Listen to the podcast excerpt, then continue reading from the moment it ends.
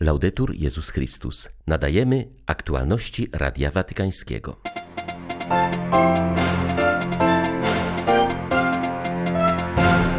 Papież nadal przebywa w szpitalu w sposób szczególny. Myśli o tych, którzy nie mogą powrócić do domu. Podaje dzisiejszy komunikat o stanie zdrowia Ojca Świętego. We Francji zmienia się podejście państwa do obywatela. Jest coraz mniej wolności, górę bierze nieufność, ostrzega przewodniczący episkopatu. W związku z olimpiadą w Japonii powracają sanitarne obostrzenia. Tokijski arcybiskup poprosił przyjezdnych sportowców, by nie chodzili do kościoła. 13 lipca witają Państwa Krzysztof Bronk i Łukasz Sośniak. Zapraszamy na serwis informacyjny. Papież nadal przebywa w klinice Gemelli, gdzie kontynuuje przewidzianą po operacji terapię i rehabilitację, by jak najszybciej powrócić do Watykanu. Czytamy w codziennym biuletynie o stanie zdrowia Ojca Świętego. Jak informuje watykański rzecznik, podczas swego pobytu w szpitalu papież spotkał w tych dniach wielu chorych. W sposób szczególny myśli o tych, którzy są przykuci do łóżka i nie mogą wrócić do domu. Franciszek życzy im, by pomimo doświadczanego bólu przeżywali ten czas jako okazję do otwarcia się z czułością na innych chorych, którzy leżą na sąsiednich łóżkach. Są to, jak zaznacza papież, ich bracia i siostry, z którymi dzielą tę samą ludzką kruchość. Papież modli się za zmarłego w niedzielę kardynała Laurenta Monsengło, byłego metropolitę Kinszasy i członka Rady Kardynałów, która pomaga Franciszkowi w reformie kurii rzymskiej.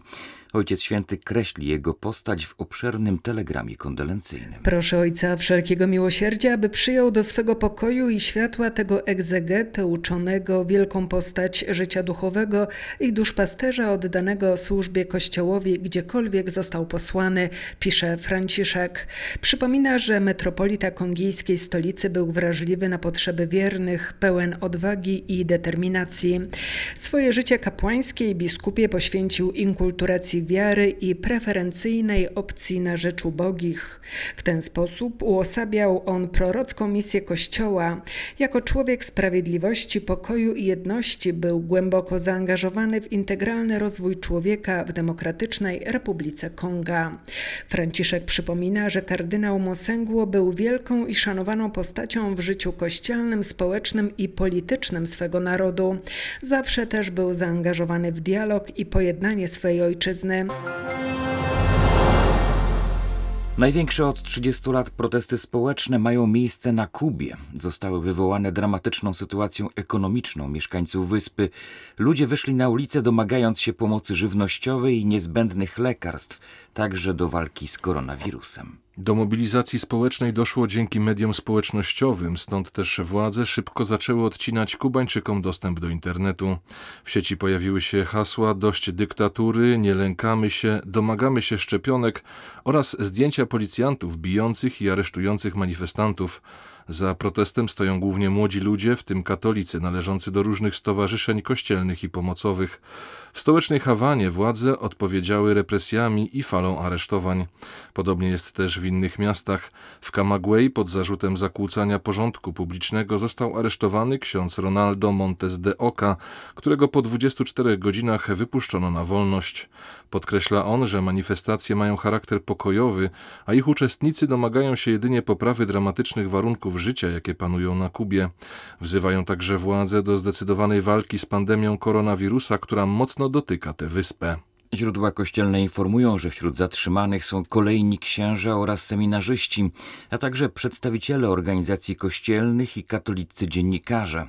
Manifestacje mają charakter pokojowy, jednak władze odpowiadają na nie nieproporcjonalnie silnymi represjami, mówi ksiądz Ronaldo Montes de Oca. Ujawnia, że policja wtargnęła o świcie między innymi do domu 26-letniego seminarzysty, który został aresztowany. Kubański kapłan podkreśla, że prezydent wysłał na ulicę swych ludzi, by spacyfikowali protesty. Przypomina, że ich uczestnicy domagają się jedynie przyspieszenia kampanii szczepień i zapewnienia Kubańczykom godnych warunków życia i żywności, po tym jak jej ceny w ostatnim czasie wielokrotnie poszybowały w górę. Francuscy biskupi są zaniepokojeni przemianami, które zachodzą w podejściu państwa do obywatela.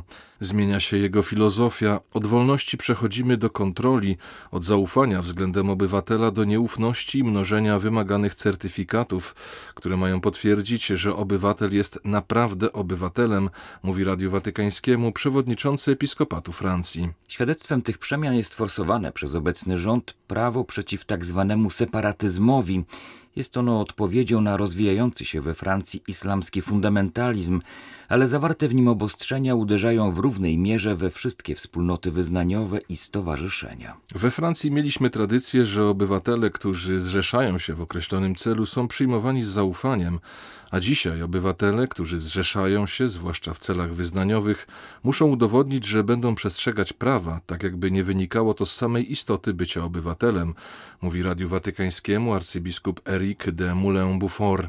Zauważa on, że innym niepokojącym przejawem przemian jest przegłosowane niedawno prawo o bioetyce.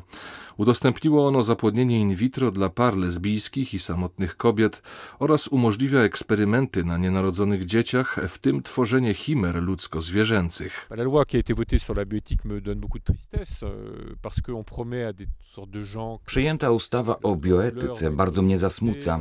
Ludziom, którzy nie mogą mieć dzieci z różnego rodzaju powodów, w tym również z przyczyn obiektywnych, obiecuje się, że ich ból zostanie przezwyciężony, bo będą mogli mieć dziecko.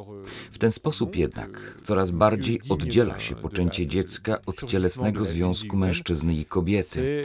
Tymczasem właściwym miejscem poczęcia życia ludzkiego jest właśnie cielesne zjednoczenie mężczyzny i kobiety, którzy oddają się sobie nawzajem i zobowiązują się do wspólnego życia aż do śmierci.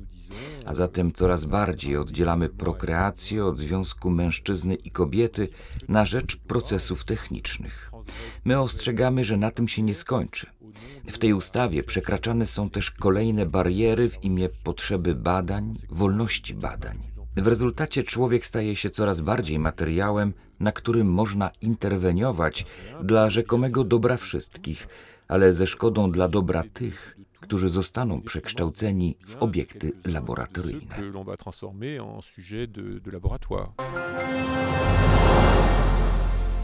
W związku ze stanem wyjątkowym, wprowadzonym już po raz czwarty w całej aglomeracji tokijskiej, także miejscowa archidiecezja podjęła surowe środki zapobiegawcze przeciwko rozprzestrzenianiu się koronawirusa.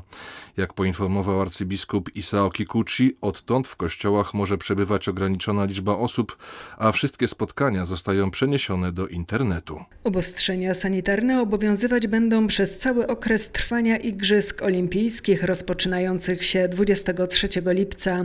Zawody odbędą się bez udziału publiczności. Nie chcemy, aby napływ wielu gości z zagranicy spowodował kolejną falę pandemii, dlatego zachęcamy wszystkich sportowców, aby pozostali w swych pokojach hotelowych i powstrzymywali się od udziału w nabożeństwach, napisał w komunikacie do wiernych metropolita Tokio. Arcybiskup Kikuchi do pozostania w domach zachęcił także osoby starsze i schorowane.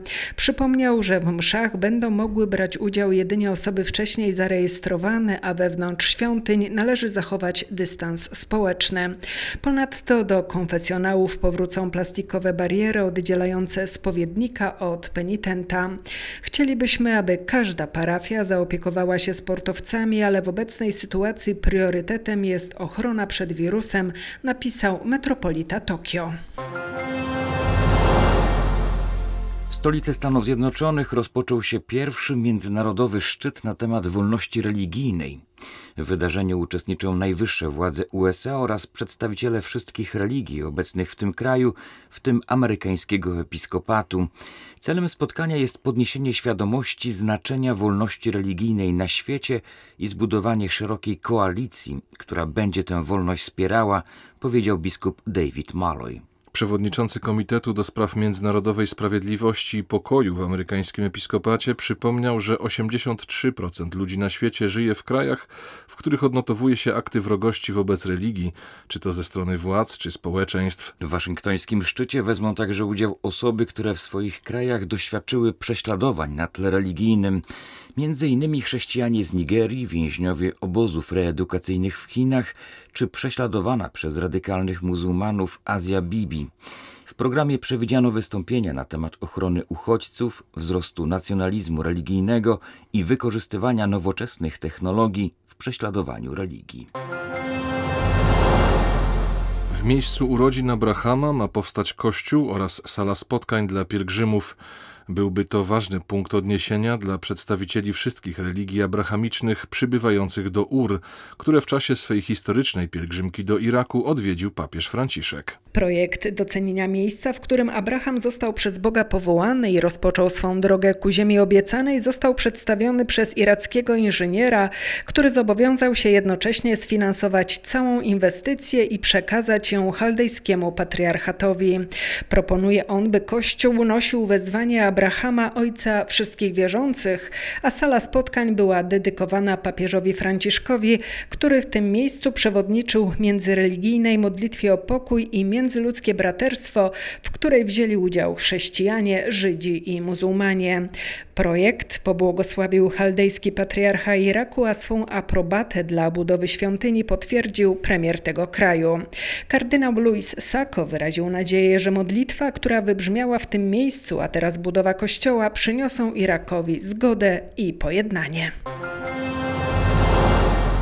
Francuzi będą jutro wspominać piątą rocznicę zamachu w Nicei.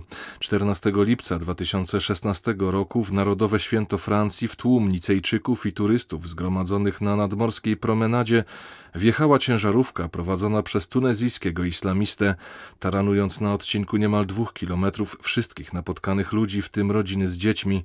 Zginęło 87 osób, 458 zostało rannych. Do zamachu przyznało się tak zwane państwo islamskie. Jak mówi miejscowy biskup, było to straszliwe wydarzenie, które na trwałe naznaczyło mieszkańców Nicei, co przejawia się w utrzymującym się jeszcze poczuciu zagrożenia, nieufności względem wyznawców islamu, a także w decyzjach politycznych. Tym bardziej, że nie był to ostatni zamach w tym mieście. W październiku ubiegłego roku nożownik zabił trzy modlące się osoby w Bazylice Najświętszej Marii Panny w Niebowziętej. Tym razem, jak podkreśla biskup André Marceau, był to cios we wspólnotę chrześcijańską tym bardziej bolesny, że zamachowiec zadając śmierć czynił to w imię Boga. Wiemy, że to jego Bóg, a nie nasz, ale tym niemniej to wydarzenie ugodziło w naszą wiarę, dodaje ordynariusz Nicei. Rozmawiając z Radiem Watykańskim przyznał, że już w ubiegłą niedzielę odprawił mszę za ofiary tych zamachów. Katedra była pełna, ludzie wciąż o tym pamiętają, mówi biskup Marceau. 14 lipca 2016 roku Nicejczycy cieszyli się na to świąteczne spotkanie, a spotkała ich śmierć. I to śmierć przerażająca, naprawdę przerażająca. Żywe są jeszcze świadectwa uczestników tego wydarzenia, rodzin, obserwatorów, po czymś takim trudno odzyskać spokój, wytchnienie, a potem w ubiegłym roku było inne wydarzenie, które ugodziło we wspólnotę chrześcijańską. Tym razem zamach miał miejsce w kościele. Zginęły trzy osoby, które były dobrze znane we wspólnocie, trzech chrześcijan, kościelny i dwie kobiety, które regularnie modliły się w tej bazylice. Nasze społeczeństwo pozostaje głęboko naznaczone przez te wydarzenia. Wiszą one nad nami jak miecz Damoklesa, wciąż odżywają. Utrzymuje się lęk, nieufność, powoduje to również wykluczenie, rzutuje na stosunek do pewnej grupy społecznej, prowadzi do uogólnień w podejściu do osób wyznających islam. Choć większość muzułmanów w naszym regionie nie podziela tej postawy i mamy z nimi dobre relacje, jednakże ciążą na nich te uogólnienia, z którymi trzeba walczyć, ale nie jest to łatwe. Były to aktualności Radia Watykańskiego. Laudetur Jezus Chrystus.